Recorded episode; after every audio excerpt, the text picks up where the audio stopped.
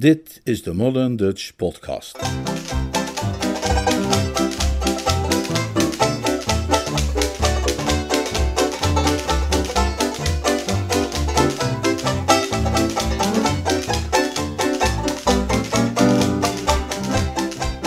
Een man van eer. Een Jeeves-roman van P.G. Woodhouse, The Code of the Woosters. Vertaald en voorgelezen door Leonard Beug. There she is, there she is, there's what keeps me up at night. Oh gee whiz, oh gee whiz, there's why I can't eat a bite. Those flaming eyes, that flaming youth. Oh mister, oh sister, tell me the truth. Cause when I'm paddling, paddling home. Gee, when I'm paddling, Hoofdstuk 3a. Tegenover de butler had ik Roderick Spode beschreven als een man wiens blik een oester kon openen op 60 pas afstand, en het was die blik die hij nu op mij richtte. Hij zag eruit als een dictator die op het punt stond een zuiveringsactie te beginnen, en ik zag dat ik me vergist had toen ik hem op 2 meter 10 had geschat. Dat moest minstens 2 meter 40 zijn. Ook maakte hij trage, malende bewegingen met zijn kaken. Ik hoopte dat hij geen ha zou zeggen, maar dat deed hij wel. En daar ik nog onvoldoende de beheersing had teruggevonden over mijn stembanden, bleef het daar voorlopig bij qua gesprek. Vervolgens riep hij met zijn ogen nog altijd onwrikbaar op mij gericht: Sir Watkin? In de verte klonk een ja, wat is er hier ben ik achtig geluid. Kom eens hier alsjeblieft. Ik wil je iets laten zien. Pa Bassett verscheen in de deuropening, bezig zijn pince-nez op de juiste wijze op de neus te klemmen. Ik had de man tot dan toe uitsluitend gezien in het beschaafd tenue dat men in de grote stad pleegt te dragen, en ik moet bekennen dat zelfs onder de hachelijke omstandigheden waarin ik verkeerde, de aanblik die hij in deze landelijke omgeving zijn medemens durfde bieden mij deed huiveren. Het is, als bekend, een axioma, zoals ik dat Jeeves wel eens heb horen noemen, dat hoe kleiner de man, hoe groter de ruiten van zijn kostuum. En pa Bassett's plunje was in dat opzicht meer dan volkomen in overeenstemming met zijn tekort aan centimeters. Prismatisch is het enige nette woord dat ik kan bedenken voor het misselijkmakende tweed dat hij droeg. Maar vreemd genoeg had het duizelingwekkende patroon een kalmerende uitwerking op mijn zenuwen. Het gaf me het gevoel dat het verder allemaal niet meer zo uitmaakte.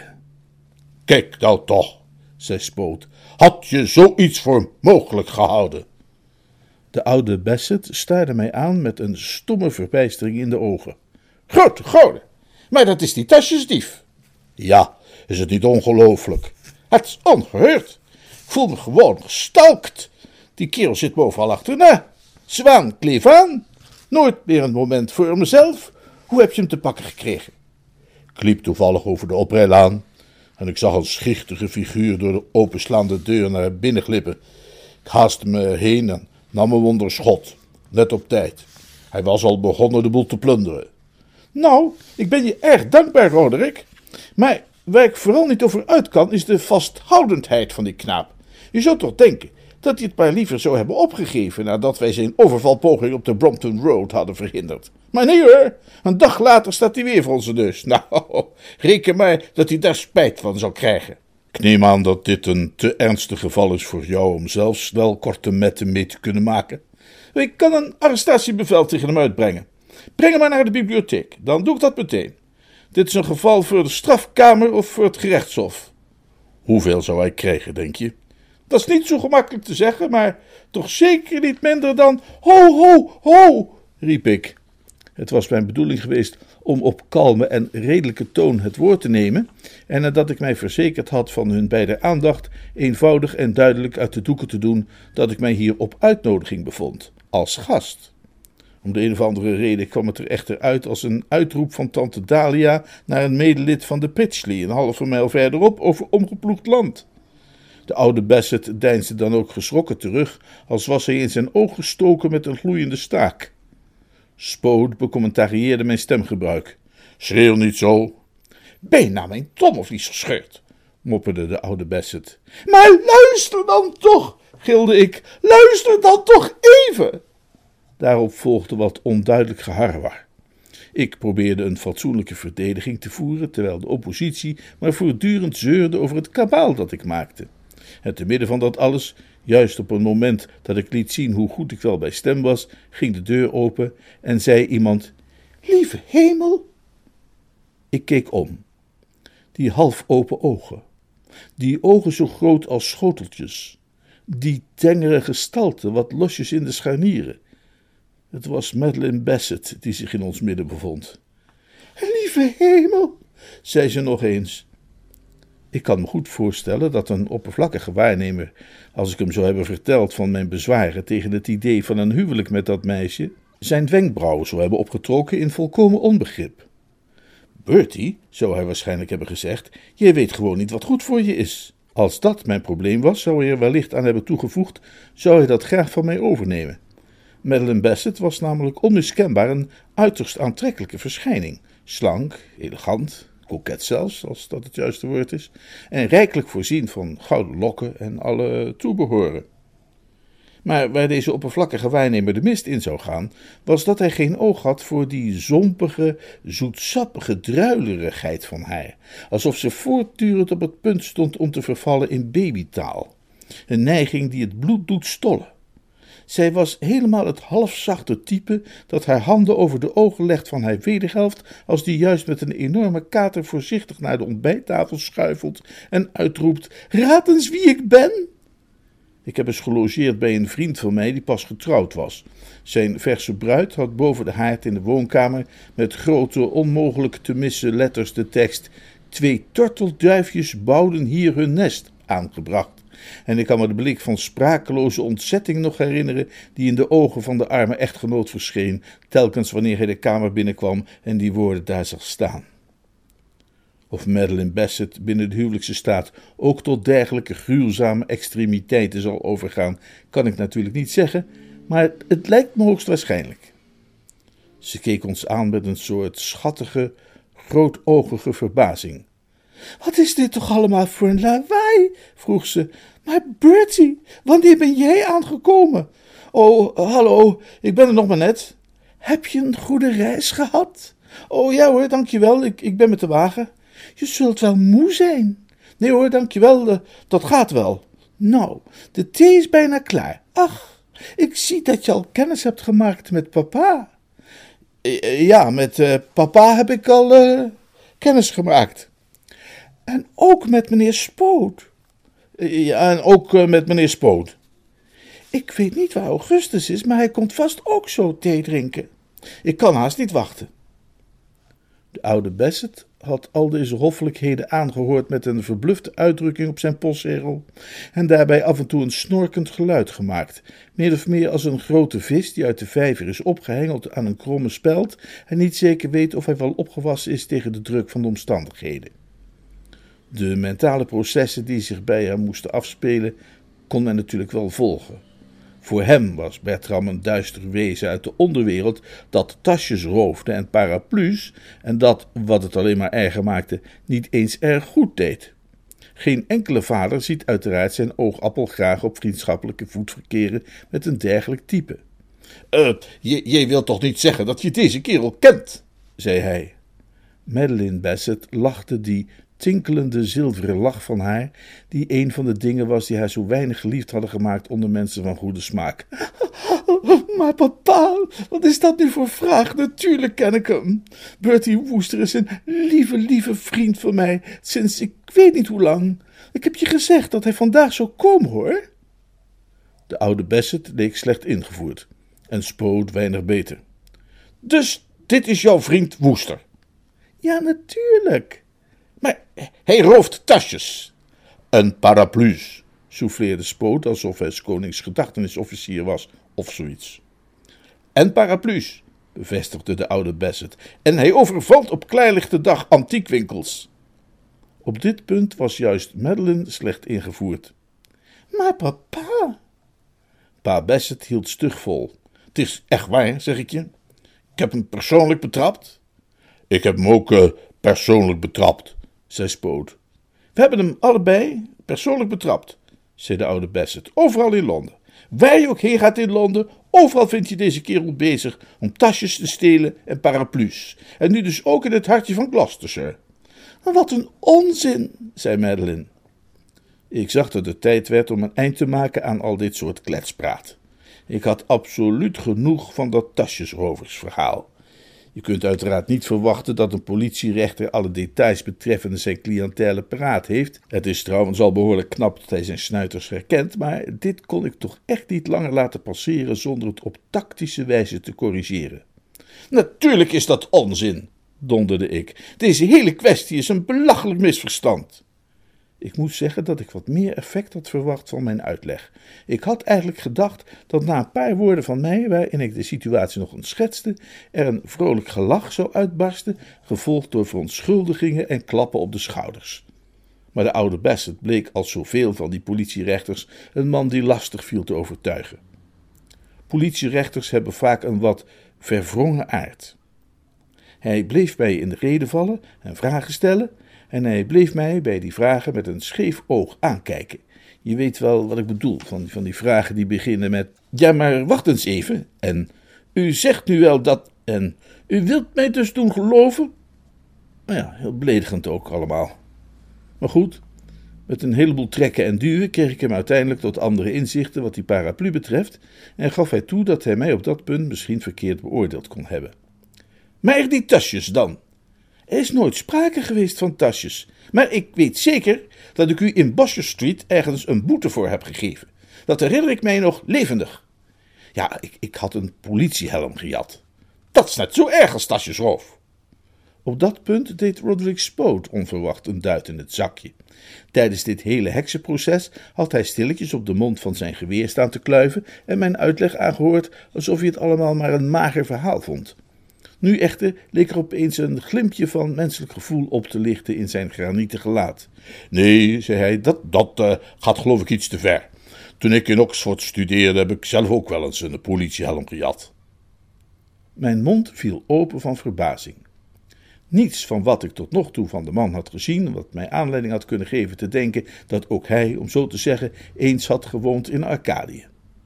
Het bewees maar eens, wat ik zo vaak zeg, dat er zelfs goeds te vinden is in de slechtsten onder ons. Pa Bassett leek even uit het veld geslagen.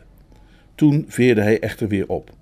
Goed, maar die overval op die antiekwinkel dan, hè? Hebben we hem daar soms niet op heterdaad betrapt toen hij er van deur wilde gaan met mijn roomkoe? Wat heeft hij daar dan wel op te zeggen? Daar had Spoot niet meteen van terug. Hij haalde de loop van zijn geweer, waar hij weer op was begonnen te sabbelen, even uit zijn mond en knikte. Die figuur uit die winkel had me dat ding gegeven om er eens goed naar te kijken, vatte ik een lang verhaal samen. Hij raadde me aan om het even mee naar buiten te nemen, omdat het licht daar beter was. Maar u rende er mee naar buiten. Ik, ik struikelde naar buiten. Ik, ik was op de kat gaan staan. Welke kat? Er behoorde kennelijk een kat tot het personeel van het antiquariaat. Hm, ik heb geen kat gezien. Heb jij daar een kat gezien, Roderick? Nee, geen kat. Ja, juist. Hm. Over die kat zullen wij dus maar even heen stappen. Nou, dat lukte mij dus niet, zei ik. Ik kan soms heel geestig reageren. Over die kat zullen wij dan maar even heen stappen, herhaalde pa Bassett de grap negerend. Ik zal het anders beginnen. Wat was u van plan met die roomkoe? U zegt dat u hem aan het bekijken was.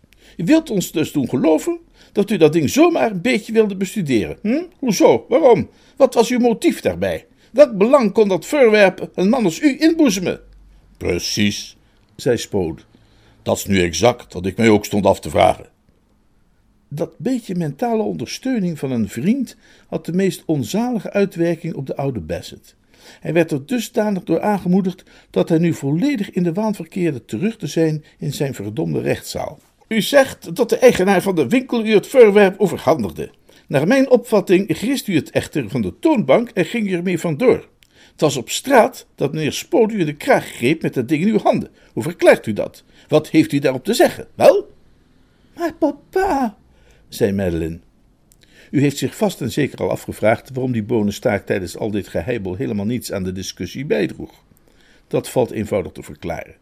Direct nadat ze Wat een onzin, had gezegd aan het begin van de hele onverkwikkelijke scène, had ze per ongeluk een vliegje of mugje of andere vertegenwoordiger van het insectenrijk ingeademd en sindsdien had ze in een rustig hoekje staan kuchen en proesten.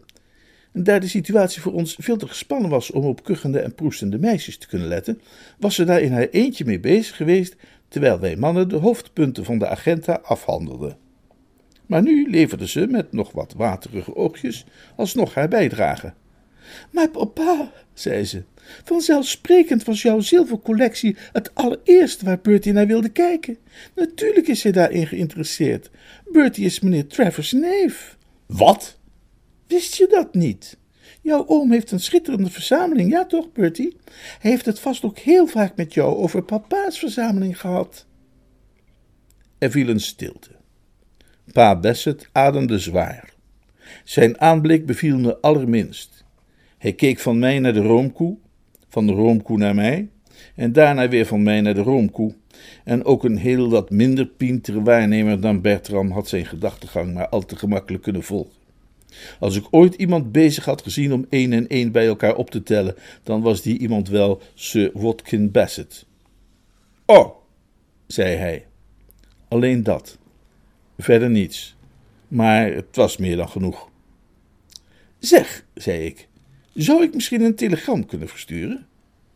Ja, dat kun je doorbellen naar het postkantoor. In papa's bibliotheek staat een telefoon, zei Madeline. Ik zal hier even heen brengen. Ze leidde me naar het toestel en zei dat ze in de hal zou wachten tot ik klaar was. Ik greep de hoorn en meldde me bij het postkantoor. Na een korte conversatie met wat naar alle waarschijnlijkheid de dorpsidioot was, kon ik het volgende dicteren: Mrs. Travers, 47 Charles Street, Berkeley Square, Londen. Ik zweeg even om mijn gedachten te verzamelen en ging toen als volgt verder. Tot spijt absoluut onmogelijk uitvoeren opdracht, u weet wel. Sfeer van uiterst wantrouwen sluit iedere actie uit. Zou Blik oude Bassett hebben moeten zien bij vernemen informatie bloedverwantschap mijzelf en oom Tom. Leek gezant die gesluierde schoonheid ziet rondsluipen bij brandkast met geheim verdrag. Sorry, et cetera, maar gaat niet door. Liefs, Bertie. Daarna voegde ik mij bij Madeline in de hal. Ze stond bij de barometer, die, als zij ook maar een grammetje verstand in zijn hoofd had gehad, op stormachtig had gestaan in plaats van op bestendig. Toen ik langs zij kwam, draaide ze zich om en koekeloerde me aan met een soort tedere oogopslag die een rilling van engte langs de woesterse ruggengraat joeg. De gedachte dat daar iemand stond die een verkilde relatie onderhield met Gussie en wellicht een deze dagen hem zijn ring en zijn geschenken terug ging geven, vervulde mij met een nameloze angst. Ik stelde vast dat als een paar kalme woorden van een man van de wereld de wonden zouden kunnen helen, die woorden dringend gesproken moesten worden. Oh, Bertie, zei ze met een zacht vloeiende stem, alsof er bier uit een kruikje klokte, je had hier niet moeten komen. Mijn recente onderhoud met Pa Bassett en Roderick Spode had mij op vrijwel identieke gedachten gebracht. Maar ik kreeg niet de gelegenheid om uit de doeken te doen dat dit geen vrijblijvend beleefdheidsbezoek was en dat ik er niet over gepiekerd zou hebben om binnen een honderd mijl radius van dit gruweloord te komen als Gussie mij geen SOS'jes had gestuurd. Ze babbelde verder, terwijl ze me aankeek alsof ik een konijn was waarvan ze verwachtte dat het ieder moment in een kabouter of een aardmannetje kon veranderen. Waarom ben je gekomen? Maar ach, ik weet wat je wilt zeggen. Je wilde me kosten wat kost terugzien, al was het maar een enkele keer. Je kon de aandrang niet weerstaan om die herinnering met je mee te willen nemen, om die te kunnen koesteren in de lange jaren van eenzaamheid die zullen volgen. Oh, Bertie, jij doet mij zo sterk denken aan Rudel.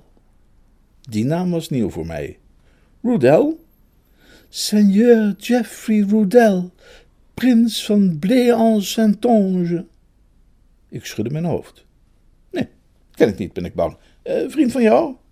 Hij leefde in de middeleeuwen. Hij was een groot dichter en hij werd hopeloos verliefd op de vrouw van de heer van Tripoli. Ik schuifelde wat ongemakkelijk met de voeten. Ik hoopte dat ze het netjes zou houden. Jarenlang beminde hij haar in stilte, maar tenslotte kon hij geen weerstand meer bieden aan zijn gevoelens. Hij voer met zijn schip naar Tripoli en zijn dienaren droegen hem aan land.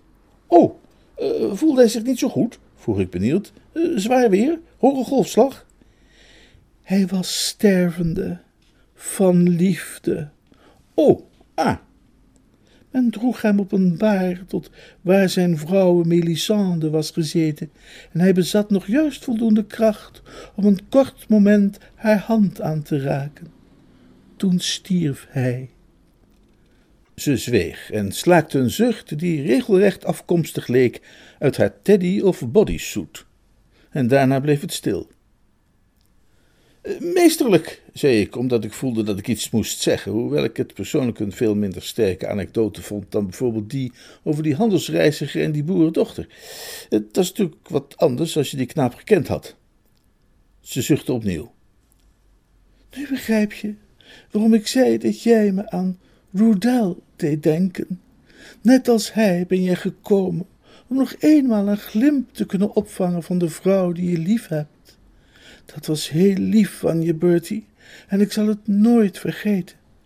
Het zal altijd een tedere herinnering voor me blijven, als een bloem die te drogen werd gelegd tussen de bladzijden van een oud album. Maar was het wijs? Was het verstandig? Was het niet beter geweest om sterk te zijn? Om alle banden definitief door te snijden vanaf de dag dat wij elkander vaarwel zeiden op Brinkley Court? en de wond niet weer te openen. Onze wegen hebben zich ooit gekruist. Jij had mij lief en ik moest jou zeggen dat mijn hart een ander toebehoorde. Dat had ons vaarwel voor altijd moeten zijn. Oh, absoluut, zei ik. Ik wil maar zeggen, wat ik tot nog toe had gehoord, er was niks mis mee. Als haar hart werkelijk iemand anders toebehoorde, prima, toch? Niemand meer tevreden dan Bertram. Het hele eieren eten was alleen, was het ook waar? Maar van Gussie heb ik een bericht gekregen waaruit min of meer op te maken viel dat jullie relatie pft was. Ze keek me aan als iemand die zojuist de oplossing van de kruiswoordpuzzel heeft gecompleteerd met een gewikst emu in de rechterbovenhoek. Dat is dus waarom jij gekomen bent. Je dacht dat er misschien toch nog hoop voor je was. Maar oh nee, Bertie, sorry, sorry, het spijt me. Haar ogen waren wazig van de ongeplengde tranen en intussen zo groot als soepborden. Nee, Bertie, er is werkelijk geen enkele hoop voor jou, geen enkele.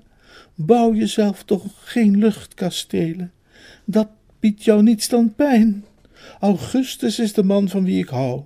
Hij is de enige voor mij. En jullie hebben geen oneenigheid? Wel, nee. Wat bedoelde hij dan met ernstige breuk Madeline en ik? Oh, oh, dat! Ze deed weer een tinkelende zilveren lach. Dat, was niets.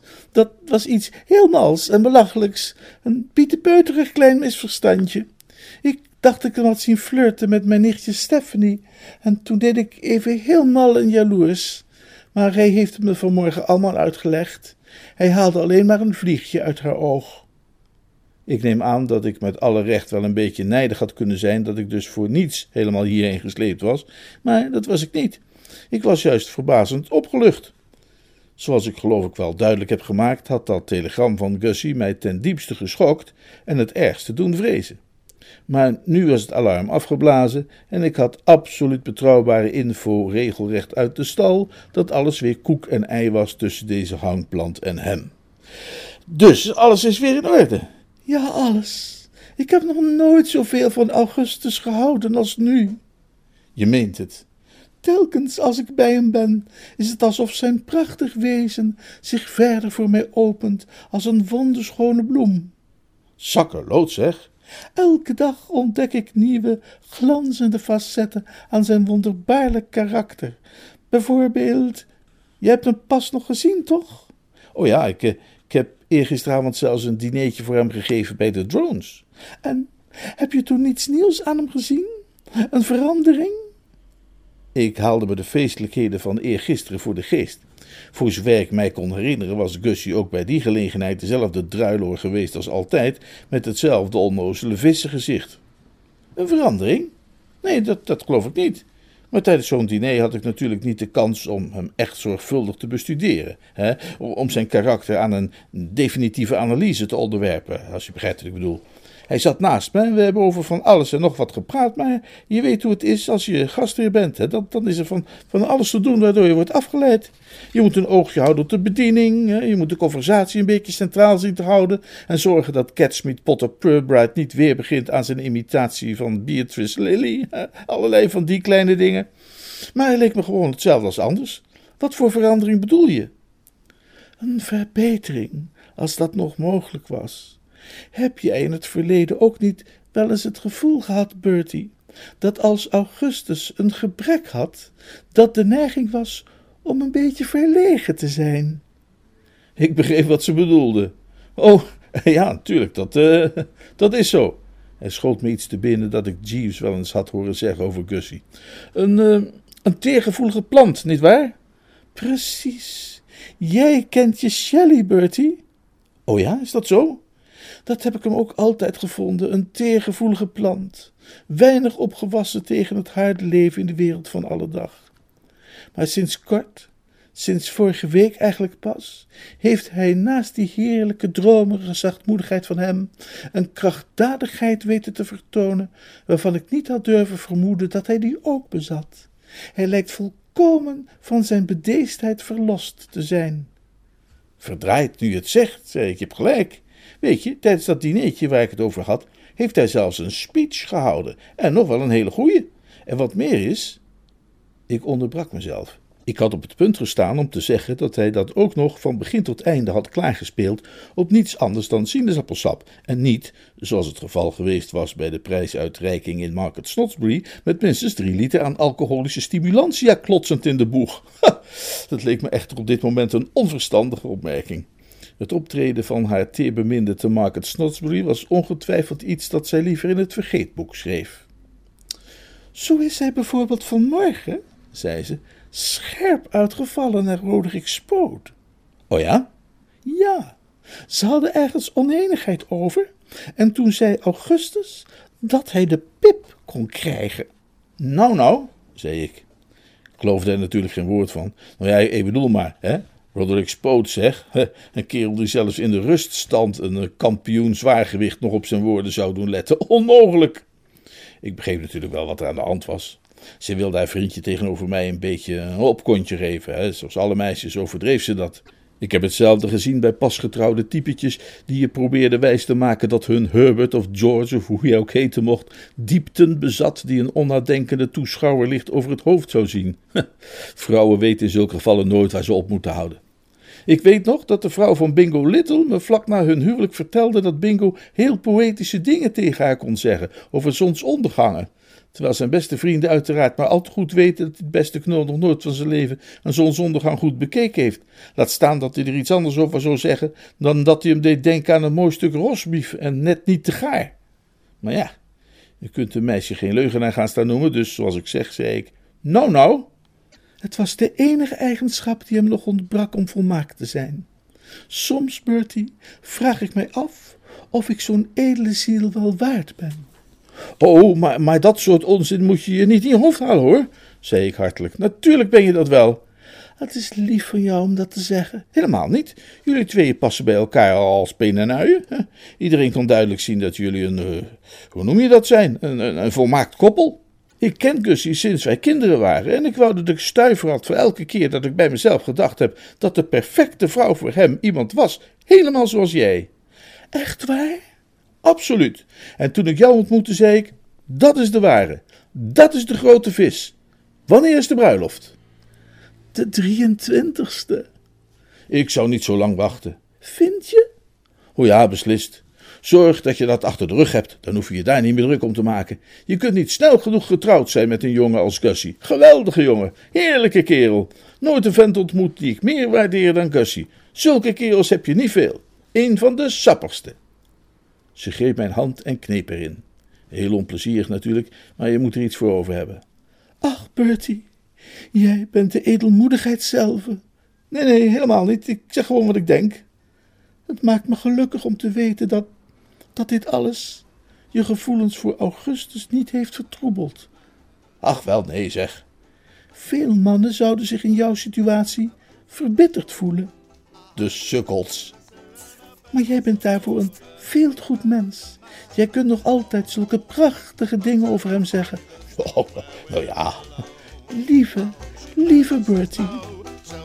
En in die vrolijke stemming gingen wij uit elkaar. Sweet, sweet Madeleine, sweet, sweet. Sweet, sweet